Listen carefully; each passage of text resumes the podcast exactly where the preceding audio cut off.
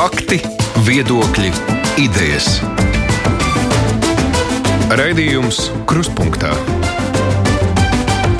ar izpratni par būtisko. Aizsmeļamies, Tamsons, saka jums labdien! Viņa ir viena no pieredzējušākajiem cilvēkiem Latvijā. Mediju lauciņā ir bijusi gan žurnālisti, gan lielākoties darbojusies sabiedrisko attiecību jomā, pārstāvot institūcijas, amatpersonas komunikācijā ar žurnālistiem. Ir bijusi preses sekretāra diviem valsts prezidentiem, ministriem, premjeriem. Viņas tāda piespiedu aiziešana no valsts kontrolas pirms dažām nedēļām bija ļoti skaļa. Viņa bija parakstījusies pret obligāto vakcinēšanos, bet nu, tad, kad pirms nedēļas viņas uzvārds parādījās Ainārs Šlesers, veidotās partijas dibinātāju sarakstā, daudziem tas bija pārsteigums. Pirmdienas ir kruspunktā lielās intervijas dienas un ir būtiski ka mūsu raidījumā piedalās arī dažādu politisko uzskatu cilvēku. Tādēļ šīs dienas saruna būs ar viņu, manis aprakstīto Līgu Krapāni. Labdien! Labdien! Uzreiz paskaidroju klausītājiem, tātad Līga piedalās raidījumā attālināti, jo viņi nav vakcinējusies. Mēs raidījuma laikā, es ceru, parunāsim arī par to. Un jāpaskaidro, tā kā mēs esam pazīstami gandrīz 30 gadus, esam kolēģi. Tādēļ arī esam uz tu. Būtu droši vien muļķīgi izlikties, ka mēs esam svešinieki. Tas tā, lai klausītājiem būtu skaidrs, kāpēc tāda formalitāte, jeb familiāri tā jāsaka. Vispirms par politiku. Man arī jāatzīst, ka ieraudzīt tavu uzvārdu Šlesera partijas dibinātāju vidū bija milzīgs pārsteigums. Šlesers piezvanīja, piedāvāja. Uh, jā, tieši tā, bet es tomēr mazu, mazu atkāpīju pirms es atbildu šo jautājumu. Uh, Ar tu teici, parakstīja vēstuli pret uh, obligāto vakcināciju. Nav tiesa, pakoriģēšu. Vēstule bija augstākajām valsts amatpersonām un tiesību sargam ar vairākiem jautājumiem, kas tieši skar Covid tēmu, sākot ar testiem, ar testu precizitāti, beidzot ar, ar vakcīnām un, un tam līdzīgiem jautājumiem, kas, nu, īstenībā, būsim godīgi, cilvēkus nodarbina varbūt pat uztrauc jau, es domāju, jau gadu kā minimums. Un šo vēstuli es parakstīju kopā ar 150 cilvēkiem, jā, un starp viņiem tādu uzvārdi, kas komentārus neprasa. Es joprojām esmu pie pārliecības, ka es arī šodien šādu vēstuli parakstītu, kas ļoti nu, saudabīgi, ka uz šo vēstuli atbildēja tikai tiesības sargs un veselības ministrija, tādēļ, ka veselības ministrijai atbildes sniegšanu teikt, deleģēja premjeras. No prezidenta nekādu atbildi neesam saņēmuši. Rakstīs, kā mēs gaidījām. No nu, labi, par vēstuli, nu, tā... par vēstuli mēs vēl parunāsim. Par vakcināciju arī sāksim tomēr ar politiku, tad pāriesim vēl pie vakcīnas jautājumiem. Tur arī ir jautājumi. Bet tā īsti, jā, Šlesers piezvanītu, saka. Jā, bet piezvanīja nākošajā dienā pēc tam, kad es biju parakstījusi darbu uzteikumu. Um, bija šaubas, uzreiz teica jā. Uh, Protams, tas lēmums nav vienkāršs, un es pati būdama pirms tam strādājot līdzās politiķiem, nu, tici man, es ļoti labi zinu, kas tā ir par maizīti un cik daudz ir, ir, ir, ir jābūt, cik biezai ādai ir reizēm jābūt. Ja? Uh, jā, es paņēmu pauzi pārdomām, bet es teikšu, godīgi, mani iedvesmoja tie cilvēki, ko Ainārs nosauca, kas jau ir ar viņu komandā. Uh, tā skaitā, piemēram, Julijas Čepaņēko, es neslēpju, viņa man ir bijusi uh, kā deputāte. Uh, nu, Visu cieņu jā, tam, ko viņi darījuši līdz šim. Ja tu vari vēl kādu nosaukt, Julijas Stepaņēko, tad teici cilvēki, vēl kurš tevi iedvesmoja? Uh, tie, kas šobrīd ir komandā, pilnīgi noteikti visi uh, ir, ir, ir, ir pierādījuši sevi jau iepriekš. Jurča, ļoti... Kristapāns un tie uz priekšu. Jā, jā, tieši tā, Ļubovs Švecovā, tad. Točs, Sandrs. Sandrs, es šobrīd runāju par tiem, kas ir nosaukti kā amatu kandidāti. Mm -hmm. Jā, bet Sandrs ir viens no līdzgaitniekiem, pilnīgi noteikti. Jā. Uh, bet es saprotu, līdz tam zvanām par politiku nemaz nebija domājusi pati.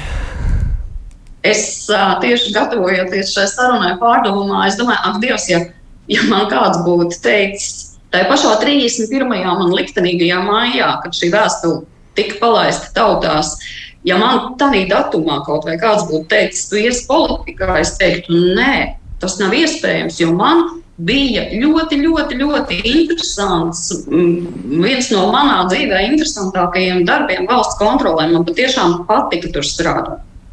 Bet tad šiem cilvēkiem, ko tu nosauci tagad kā nu, komandas locekļus, jūs tiešām esat domu biedri.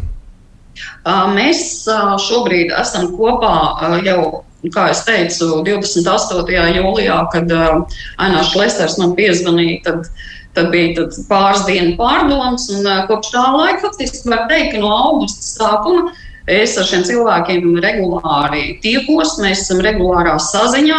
Un, protams, ka šis ir tikai partijas dibināšanas brīdis. Šobrīd, vēl šodien un rīt, starp citu, pie notāra cilvēki, kur vēlas kļūt par dibinātājiem, dodas parakstīt apliecinājumus. Tā kā partija vēl top. Bet tas, ka mēs savā starpā jau esam pārunājuši un izdiskutējuši ļoti būtiskas tēmas, tas gan. Un, nu, raugi 14. augustā bija partijas dibināšanas kongress, kurš notika uh, brīvā dabā, atbilstoši visiem nosacījumiem. Un, nu, kongresa laikā, 6,5 stundu laikā, jā, tieši 6,5 stundas viņš notikās. Uh, katrs uh, no šiem te, um, nominētajiem un arī nenominētajiem, bet no, no teiksim, domu viedokļu paudējiem uz skatuves, uh, nu, manuprāt, ļoti skaidri un nepārprotami izklāstīja savu redzējumu. Man jāsaka, godīgi, man tas iedvesmoja. Pilnīgi noteikti. Nu, ir skaidrs, ka tos jautājumus jau uzdošu ne tikai viens es. Visas tās publicētās sarunas savukārt no viesnīcas Rīdzēne, kas atklājuši Leseru un ne tikai Leseru, arī vēl kādas no tavas pieminētās komandas ļoti nepievilcīgā gaismā. Tas tev nešķiet svarīgi. Um, redzēju, eh, par sarunām, es, eh, protams, es šo esmu pārunājis arī ar Aināšu Leseru. Un, eh, un, un, um, nu, man ir jāsaprot un jāzina, kas tas ir. Tas, ko es varu par sarunām pateikt, ko ir apliecinājuši arī prokuratūras pārstāvji, viņas ir publiskotas ļoti selektīvi. Eh, respektīvi, viņas nav publiskotas kā viena saruna, bet izraujot no konteksta atsevišķas uh, frāzes, teicienus. Es negribētu vairāk par šīm sarunām iedziļināties. Tas, ko es varu pateikt, gan ar Aināšu Leseru, gan ar Vilu Kristofānu, es esmu strādājusi kopā. Es viņus esmu dienā redzējusi darbā. Uh, jā, var kādam nepatikt raksturs vai ekspansivitāte vai uh, vai sauciet to, kā gribiet, bet um, nē, tas man nemulsina. Es īstenībā uz šiem cilvēkiem um, ļoti, ļoti paļaujos uz viņu, ja, ja tu domā tieši viņas dabas. Nu, tad droši vien grib vai negrib jāprasa ir kādas precizējošas lietas. Labi, sauc to kā izvilktas, pieņemsim, fragments ne kopumā, lai gan tie fragmenti, kā zināms, ir uh, minūtēm un desmitām minūši, minūtēm garas sarunu fragmenti, kas nav tikai izvilkti atsevišķi. Nu, kaut vai, piemēram, tās lietas, kā viņš tur kārto biznesu. Vienojās ar Lembergu, es tev šo, tu man savukārt to. Mēs tur sadalīsim kādā veidā tās, to, to īpašumu tā, lai visiem ir labi. Tev šķiet tiešām tā ir jākārto lietas mūsu valstī. Es uzreiz zinu, pateikšu tā, ka ne, negribu es šajā gadījumā iedziļināties, nevis iedziļināties, bet komentēt. Saturu, kurš ir selektīvs. Es, es neesmu viņu autentiski dzirdējusi. Tā kā šajā gadījumā nu, no manas vairāk arī neko neprasa. Nu, ne, es tev šajā brīdī pat neprasu par saturu, ko, par sarunām. Es tev prasu par to, vai tavuprāt biznesu šādā veidā valstī vajadzētu kārtot? Jā, bet es uzdošu pretjautājumu, bet, uh, kāpēc man ir jātic, ka tieši tā tika teikts, ja sarunas ir selektīvas? Tu kā zini, pat valsts prezidents ir atzīmis, ka šīs sarunas ir autentiskas. Um, nu, valsts prezidents šajā gadījumā es nedomāju, ka viņš ir izmeklēšanas institūcija. Ja par autentiskumu vai par selektivitāti, par to var teikt tieši prokuratūras. Bet teikt. neviens jau nav teicis, ka tās sarunas, tas, kas ir runāts, ka viņas ir viltotas. Tādas runas nekur nav bijušas. Arī prokuratūra to tā nekad nav apgalvojusi. Tas, ko viņi sev saka, ja tas, ko tu atsaucies, nu, ka tur nav viss lielais sarunu blāķis, tur ir tie interesantākie fragmenti, bet tie ir patiesi, jeb autentiski. Nu, labi, lai, lai, teiksim, lai liktu punktu šai, te, šai sarunai par sarunām, Es tikai piebildīšu, ka, jā, es piekrītu, ka šādā veidā šobrīd tā, es, es teiktu, vispār šādā veidā attiecības netiek kārtotas. Bet es uz, uzreiz arī gribu uzsvērt, ka šobrīd um, Ainārs Šlesers ir izveidojis, jeb veido savu partiju. Un, protams, ka viņam uh, visas pagātnes lietas, kādas vien varēs, ieskaitot tiesvedību pret viņu, kas bija piecu gadu garumā, un kura, kā zināms, beidzās tieši ne ar ko. Tāpat izmeklētāja knāba, kur uzsāka tiesvedību, tā arī pabeidza. Pat, pat bez uh, naudas soda. Tieši ar neko beidzās tiesvedība no 2011. līdz kura kur ilga līdz 2016. gadam. Tā kā tas arī par kaut ko liecina. Nu, proti, lai saprastu tavu nostāju, tu tā kā vairāk tici tam, ko saka Šlesers, nekā paļaujies uz to, kas parādās publiskajā telpā. Ja es neticētu tam, ko saka Šlesers, es nebūtu ar viņu vienā komandā. Un, runājot par publisko telpu, nu, ir, ir diezgan daudz puspatiesību, ir diezgan daudz uh, informācijas, kas ir tikai no vienas puses. Tā, ne tikai par politiku, par, par daudz ko, kas šobrīd notiek, ieskaitot Covid. Kā, tam, tam, kas ir publiskajā telpā, nu, es arī teiktu, nevienmēr simtprocentīgi jāuzticās. Ir cilvēkiem pašiem jāmeklē informācijas avoti, jāsalīdzina informācija, ko, ko patiesībā gudri cilvēki arī dara. Nu, tā kā tas skar medijus un līdz ar to cieši arī tavu darbu, tad es arī nevaru par šo aspektu jautāt. Tad, kad tajās pašās pieminētajās sarunās notiek sarunas starp Šlēsaru un Kristapānu, viņi vienojās nerunāt ar nedraudzīgajiem medijiem, sakot, runāsim tikai ar draudzīgajiem. Nu, tur Kristapāns saka, viņš gribētu tā, kā tas ir Krievijā. Tā būs arī tava politika. Um, arī šis viss, par ko tu man tagad iztaujā, bija jau ļoti daudzus gadus iepriekš. Un es, starp citu, strādājot pie Viļa Kristofāna, arī pati pieredzēju šādu brīdi, kad uh, Vils Kristofāns, būdams premjers, uh, vienā preses konferencē, kad viņam sāka Uh, uzdot ļoti, ļoti uzbrukošus jautājumus. Viņš tā arī teica, lūk, ir mana preses sekretāra, uzdodiet viņai, un pats devās no preses konferences laukā. Es ļoti labi šo atceros. Bet ne jau tādēļ Vils Kristofāns manās acīs ir kritis tieši otrādi. Un cilvēki taču arī gadiem ejot iegūst gan pieredzi, gan atziņas, un jā, arī mainās cilvēki. Bet es neteiktu, tā, ka nu, tagad ir viss izmainījies. Nē, tie ir tie paši cilvēki, ar kuriem es kopā strādājis un kurus es diezgan labi pazīstu. Bet, ja es saprotu, tava politika būs runāt arī ar tiem, kas ir nedraudzīgi. Es varu pat, protams, es pat mēdīs tā nekad neesmu šķirojusi, jo to man neļaus samalot arī kolēģi žurnālisti. Es drīzāk esmu bijusi eh, dažkārt maniem darba devējiem nesaprotami pretīm nākošu mēdījiem, jo es zinu to mēdīju ikdienas darbu, zinu, cik ātri vajag ziņas, zinu, cik ātri vajag informāciju. Tā kā nu, manā skatījumā nav šāda dalījuma. Un, protams, ka ejot politikā, es skaidri apzinājos, ka nu, mēdīji mani ne, neglaudīs un necels saulītē. Tieši otrādi, es rēķinājos ar to arī tagad pēc savā iznāciena partijas dibināšanas kongresā. Es rēķinājos ar to, ka būs žurnālisti, jā, tieši no mēdīju vidas es saņemšu daudz kritikas, esmu saņēmusi, jā, bet nu, jā, nu, tāda ir dzīve. Es esmu, kā man teica, viena viena kundze, kuras ļoti cienu, Māja Bergmana no pļaviņām, viņa teica, meitiņ, tu tagad esi iekāpusi dubļu vannā. Nu, tā ir. Partijām jau tajā brīdī, kad viņas ienāk saimā un, ja viņas, protams, iekļūst lielajā politikā, vienmēr jādomā, ar ko draudzēties, jo mums Latvijā faktiski ir kopš 90. gadu sākuma jau vairs nav bijis iespēja izveidot vienai partijai visu valdību tavuprāt, no esošajiem politiskajiem spēkiem, kas tev šķiet vissimpātiskākie sadarbības partneri? Vai nu tas būtu tagad, tagad, tagad skriet ratiem pa priekšu un kaut ko, kaut ko teikt simpātiskākie vai nē, jo, kā tu pats zini, politikā sarunas sākas uzreiz vēlēšana naktī, un tad jau izkristalizējas. Tas gan, ko es varu pateikt, ka šobrīd no saimā redzamajiem gan pozīcijas, gan, diemžēl, arī opozīcijas spēkiem. Man nav liela uzticība, lai neteiktu, ka es neusticos. Nu, par, par koalīciju šobrīd runājot, nu, manuprāt, Viņa ir tieši tik stipra, cik ilgi ir jānotur valdība, un valdība noturēs līdz nākamajām saimnes vēlēšanām, par to nav šaubu.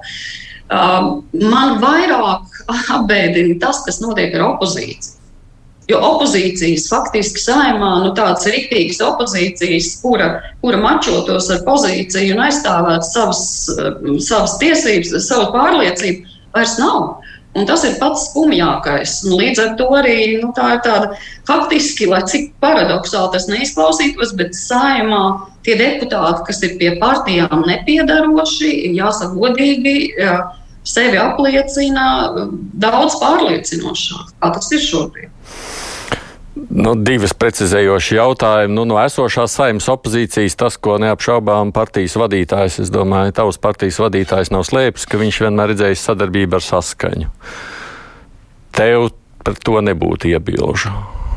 Mēs šobrīd neesam par to pat runājuši. Un kas to zina, kāda būs saskaņa pēc vēlēšanām, ir, ir, ir, ir ļoti grūti prognozēt. Man no malas, nu, vismaz cik es varu no malas raudzīties, saskaņa zaudē savu spožumu. Un, Un, uh, kas zina, cik vietas būs saskaņai nākamajā? Tas ir skaidrs, bet tā a priori tev tāda sarkanā līnija kā kādiem tā nav.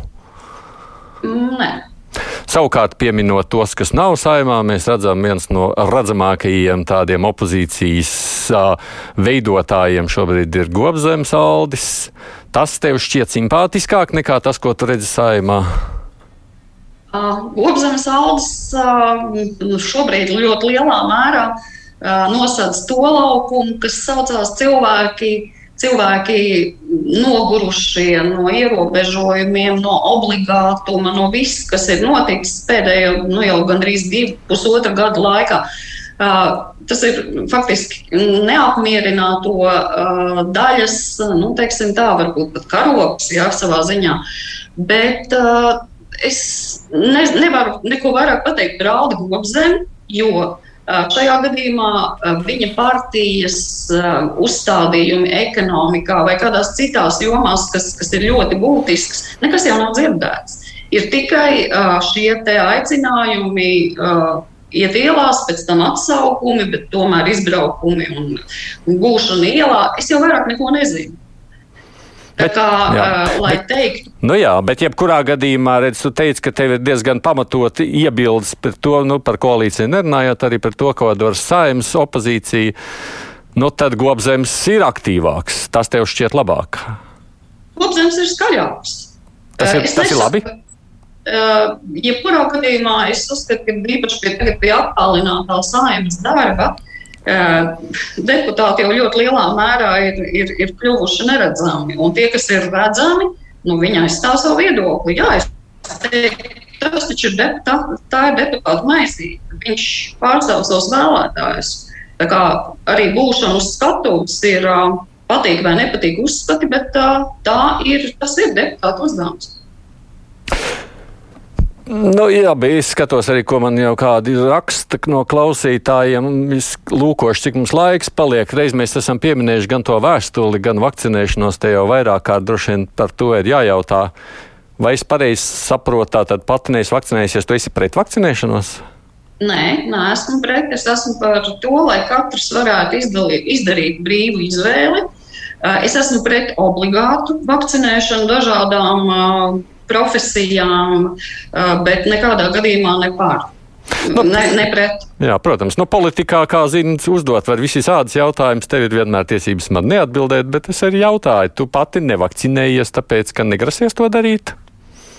Uh, iespējams, es to izdarīšu, bet es to nedarīšu tagad steidzamības kārtā. Iekams šīs vakcīnas kaut arī apstiprinātas Eiropas zāļu aģentūrā, bet viņas Jebkurš ja ārsts eh, neļaus man samalot, viņus vēl nav izgājuši šo te uh, zālēm, viņas ir zāles, zālēm nepieciešamo periodu, lai viņas būtu simtprocentīgi, nu, teiksim tā, drošas. Tā kā es atļaujos par savu cik nu es varu pati par savu ķermeni un savu veselību pieņemt lēmumus, tik es arī atļaujos pieņemt. Un, šai gadījumā man ir arī uzreiz jāpiebilst, ka es ne, nevaru akceptēt un nevaru pieņemt to, ka 14-gadīgs pusaudzis var doties bez saskaņošanas ar vecākiem un vakcinēties. Ja jau 14 gados, lai piercingotos vai tetovētos vai iet uz solāriju, vajag vecāku piekrišanu, tad šis ir daudz, daudz nopietnāks lēmums. Un pat cik man pašai mājās ir pusaudze, es ļoti labi zinu, ko tas nozīmē. Manuprāt, šis atļāvums, sauksim to tā, ko šī valdība ir ļāvusi, nu, nu, maigi izsakoties, viņš pret vecākiem un pret šī pusaudža ģimeni ir nu, nepieņemams. Tātad, ja tava pusaudze gribētu vakcinēties, tu viņai neļautu. Es vispirms konsultētos ar ārstiem, jo nu, tā, svarīgi ir, kāda ir veselība, un, un aiziet un, un savakcinēties vienkārši tāpat, lai varētu iet uz kino, tusēt, uz koncertiem. Nu, tas, tas ir ļoti nopietns lēmums. Tas ir ļoti nopietns. Tu domā, ka tu pati esi pietiekoši veselīga, lai nesaslimtu visā šajā pandēmijā? Oh, nē, mēs visi esam mierstīgi cilvēki, bet uh, es šajā gadījumā par savu veselību cenšos rūpēties uh, katru dienu, piemēram, staigājot 8 līdz 10 km, uh, kas, kas, kas arī ir, ir būtiski kustēties.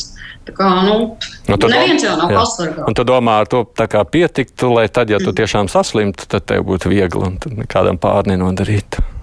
Nu, es katrā ziņā pati sev uzticos tam, ko es daru, bet uh, es uzreiz piebildīšu arī.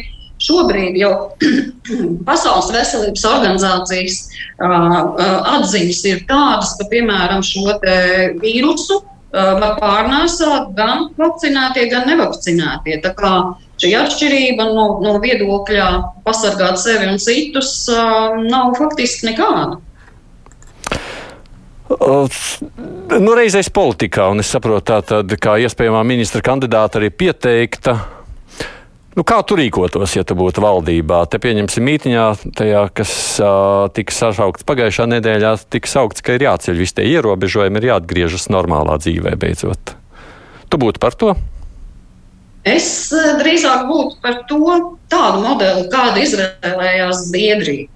Un, kā redzams, no, no saslimušo īpatsvaru vai arī, diemžēl, no nāves gadījuma īpatsvaru Latvijas un Zviedrijas dati ļoti neatšķirās. Jo man liekas, ka lielākais trieciens, ko saņēma šajā laikā, kas to saņēma, bija tātad bērni, ja, kā mēs zinām, kuri, kuri vienkārši bija ieslodzīti mājās, nerunājot jau par neveselīgu dzīvesveidu un mastustīgumu. Un, protams, arī nozars, jā, nozari, kuru šobrīd uh, Ainārs Lesers ir uzticējis uh, man, kā, uh, par kuru ir uzticējis man uh, atbildēt, uh, kultūra. Man ir neizsakām žēl aktieru, uh, muzikantu, kuri tukšās zālēs spēlē tajā pašā laikā visu cieņu tam, ka viņi vispār to darīja un, un, un nepazaudēja savu profesionālitāti, bet tas ir nežēlīgi tieši pret kultūras nozari bijis. Un arī tas, kas šobrīd notiek.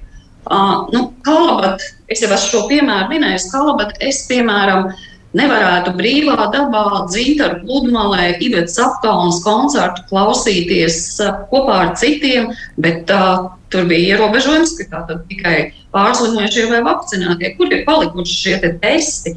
Bet atceramies, pašā sākumā Eiropas Savienība pieteica trīs ceļus - slimo, pārslimošana, vakcinācija, testi. Par testiem šobrīd, nu, paldies Dievam, ka par testiem mēs runājam saistībā ar skolu uh, darbības atjaunošanu. Un vēl piebilstot pie tā, uh, par, par kultūras nozari, vēl es gribēju tikai vienu, uh, vienu piemēru pateikt, redz, teātris, teātris saņem, kā mēs zinām, dotācijas. Dotācijas nāk no valsts budžeta. Līdz ar to no nodokļu maksātāja naudas, bet nodokļus maksājam gan mēs, nevakcinētie, gan vakcinētie.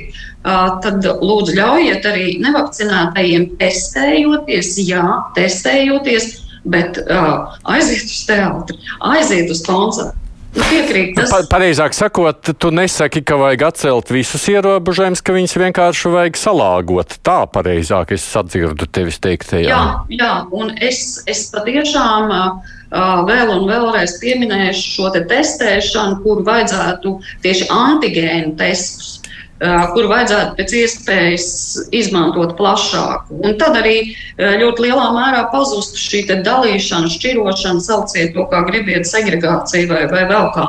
Nu, nav tas labāk, nu, nav īsti, īsta pamatojuma tam. Nav. Un masku, nu, tas, ko arī te viss saka, uz purņus noņemam nost. Uh, Zinu, par maskām ir tā, pirms es iesaistījos politikā, es arī dzan, domu biedru grupā. Starp viņiem arī tie, kas parakstīja šo 150 vēstuli, mēs esam diskutējuši, tur ir bijuši profesionāli cilvēki, kuri piemēram, ir speciālisti darba aizsardzības, dažādu priekšmetu, sauc viņus kā gribi, testēšanā, tātad atzīšanā par piemērotiem, derīgiem, nederīgiem. Tā izskaitā ir arī šīs maskas testējuši. Un tā informācija, kas nāk no šiem cilvēkiem, starp citu, tā informācija bija arī nodots Jūlijai Čepaņēnko, un es zinu, ka Jūlija gatavoja par šīm maskām arī uzstāšanos saimā, šķiet, uzstājās. Uh, proti, ka šīs maskas ne visas, ne visas ir cilvēkam nu, teiksim, draudzīgas, veselībai, labvēlīgas, lai neteiktu vairāk. Daudzās no, daudzos iepirkumos tieši maskās ir tādas vielas, jau tur nepārklausīsies, pesticīdi. Ja? Un uh, ir ārsti, kuri jau šobrīd saka, ka bērnu sēdēšana skolā maskās uh, var beigties ar, ar, ar daudzām problēmām pēc gadiem. Ja? Tā kā jāsaka arī par maskām skolās. Es esmu pret to, ka bērniem, skolniekiem vispār jāsēž maskās. Ja reiz tas bērns ir notestēts, tad sēdiet, nu, tad tieši tāpatās kā vakcinētie. Nu, kāpēc? Būtu jāliek masku, pie tam mēs zinām, ka tas ir arī apgrūtinoši, īpaši mācību procesā, ka tev patiešām ir vajadzīgs skābeklis smadzenēm. Šo es neatbalstu. Pilnīgi noteikti. Man tā kā izklausās, ka lielā mērā tu saki, nu, ka te vajadzētu katram būt par savām tiesībām pastāvēt, nu, kas spēj izdzīvot, lai izdzīvo, kas grib mirt, lai mirst, kas var nesaslimt, tam ir labi beidzās, kas ir švakāks, nu, tad tā ir viņa problēma, apmēram tā, jā. Ja? Uh, redzi, es saku tā, ka ir šīs riska grupas un pareizi darīja valstis, kuras uh, tieši uh, pandēmijas sākumā par riska grupām turēja rūpi un viņas vai nu izolēja, vai patiešām centās pēc iespējas ātrāk vakcinēt, protams, ne pret cilvēku gribu. Un, un šis, šis gan ir tas moments, kad riska grupas ir jāpasargā. A, kā tad, tad, tos, tad tos vecīšus nelaist uz koncertiem? Kāpēc? Nē, es, es teiktu, pilnīgi citādāk. Ja viņi piekrīt vakcinēties, tad viņus vakcinē. Mm. Es, es domāju, ka arī, arī cilvēkiem 70 plus tomēr uh, ir tiesības lemt, ko viņi grib darīt, vakcinēties vai nē. Viņi taču uzņemās risku uz sevi. Bet kurš tad uzņemās uh, risku attiecībā uz, uz blaknēm, uz, uz to, kas notiek un ir noticis ar cilvēkiem pēc vakcinācijas? Uh, es zinu tādus cilvēkus, ir arī žurnālistu vidū tādi. Jā, pastāsti. Nē, nu, es, man nav tiesības saukt vārdā, bet ir žurnālisti vidū arī tādi cilvēki, kuriem pēc otrās vakcīnas faktiski nu, viņiem ir jākārto invaliditāte. Nu, gribētu kādu uzvārdu, jo mums ļoti daudz kas skan. Nē, nē, nē. nē. Nē, nē. šai gadījumā attiecībā uz uh, veselības datiem nekāda tiesība man nav to teikt. Runājot tādā gadījumā, skatoties, nu jā, nu, droši vien, ka visas vēstules te nav vērts lasīt, jo te ir ļoti daudz viedokli. Uh, skatoties uz uh, to, kas notiek uh, šajās dienās, tūlīt pat uh, Baltijas ceļš. Uh, Vai tev šķiet atbilstoši tas, ka šis simbols, kuru mēs te tādā atzīmējam, atminoties Latvijas neatkarības izmantošana, tiek izmantots šādā veidā? Kā, varbūt tu precizēji, kurš nu, tu, ka, izmanto? Kā tu zini, šobrīd tā, tiek gan reklamēts, gan vākt cilvēki, lai sadotos rokās visās trīs Baltijas valstīs cīņā pret obligāto vakcināciju. Nosaucot to pa Baltijas ceļu. Es jau es dzirdēju. Katrā ziņā Katrā ziņā, ja cilvēki vēlas par kādu ideju, protams, es nerunāju šeit par, par, par kādu noziedzīgu ideju, Dievs pasaka, bet ja cilvēki vēlas vienoties un apliec, apliecināt vienotību kādā ļoti būtiskā jautājumā, un jā, kāpēc ne Baltijas ceļš, jo sadošanās rokās jau tieši arī simbolizē to, ka mēs esam vienoti par kaut ko. Labi, varbūt arī pret kaut ko. Jā, bet uh, es katrā ziņā to tā nenosodītu un uh, visu cieņu Dainam Ivānam uh, vienmēr esmu viņu augstu vērtējusi, bet Baltijas ceļš jau arī nav privatizējams. Baltijas ceļā piedalījās miljoni, miljoniem cilvēku, un, un, un tāds viņš arī paliks. Vai kādi no jūsu partijas arī ir aiz šī pasākuma? Mm, es nesaku, kāda ir šī pasākuma, bet es varu uzreiz pateikt, ka mēs piedalīsimies Baltijas ceļā šodien. Jā. Nu, tātad jūs esat viena no organizētājiem. Mēs neorganizējam, kā zināms, organizācija notiek internetā, internetu platformās dažādās, un mēs esam, būsim, esam un būsim tikai dalībnieki. Jā, kā mēs sakām, tieši tāpat kā 18. augustā, kur tikko notikās arī, arī pie prezidenta pilsētas šie, te, šie te manifestācijas. Tieši tāpat mēs arī šodien būsim kopā ar tautu. Vēl viena piebildība, ko es gribētu pateikt attiecībā uz varas attieksmi pret tautu. 18, par 18. augustu es neatceros savā profesionālajā dzīvē, ka būtu šādi saceltas barjeras, norobežošanās manuprāt, ir bijis tieši otrādi. Un vismaz es tā esmu profesionāli arī saviem eh, darba devējiem teikusi, ja nāk cilvēki protestos. Eh, kaut vai viens cilvēks, Valdembrauska valdības laikā, bija viens eh, piketētājs, kurš dzīvoja lielā salā pie ministru kabineta teltī, lai protestētu. Es vienmēr esmu teikusi, lai cik nepatīkami tas arī nebūtu, ir jāiet un jārunā ar tiem cilvēkiem. Vienalga, ko viņi paust. Protams, ja tas nav, ka, ja tas nav dzīvībai, veselībai bīstami, es domāju, ka šoreiz nu, tas pilnīgi noteikti nebija ne dzīvībai, ne veselībai bīstami, bet prezidents bija pazudis, viņš bija devies uz, uz, uz, uz zemnieku saimniecību, kādu, ja, ja atmiņa nevis saucās karotītes. Premjeras bija nožogojis, visa valdības ēka bija nožogota. Zin, nu, tā ir tā ir arogance, tā ir varas arogance. Un tieši tāpēc arī šobrīd cilvēki ir gatavi protestēt, ir, ir gatavi sadoties rokās, tāpēc ka Nu, nu, kā, tu zini, attiek. kā tu zini, pirms pāris nedēļām ļoti līdzīgs pasākums bija Lietuvā, Viļņā, kur tas beidzās ļoti vardarbīgi. Ar tajā skaitā arī ar bažām par to, kas notiks ar parlamentu ēku. Tavuprāt, drošības iestādēm uz šādiem signāliem nevajadzētu nekādi reaģēt, un policijai nevajag jaukties. Lai kaut Nē, es domāju, ka policija bija, policija bija uzdevuma augstumos, visu cieņu. Policisti bija, manuprāt, vairāk nekā demonstrētāji, un viņi darīja savu darbu. Paldies viņiem par to. Bet eh, nu, es atgādināšu, ka vismaz eh, nu, no, šī, eh, no, no Latvijas pirmajā vietā partijas vadītāji un, un, un arī no mums Nevienā mirklī netika runāts par kādu vardarbību. Tieši otrādi mēs aicinājām pēc iespējas miermīlīgāk un, un, un bez agresijas. Mēs gājām ar dziesmām, ar mums kopā bija mūziķi, kas var būt labāks labāks karoks kā dziesma. Nu, ja par dziesmām vēl runājot, kā zini, šobrīd šīs mm, atmosties Baltijai dziesmas autori ir vēstušies tiesības sargājošajās institūcijās par nozakto himnu šīs jūsu pēcpusdienas, jeb šī vakara pasākumam. Ko tu saki? Um.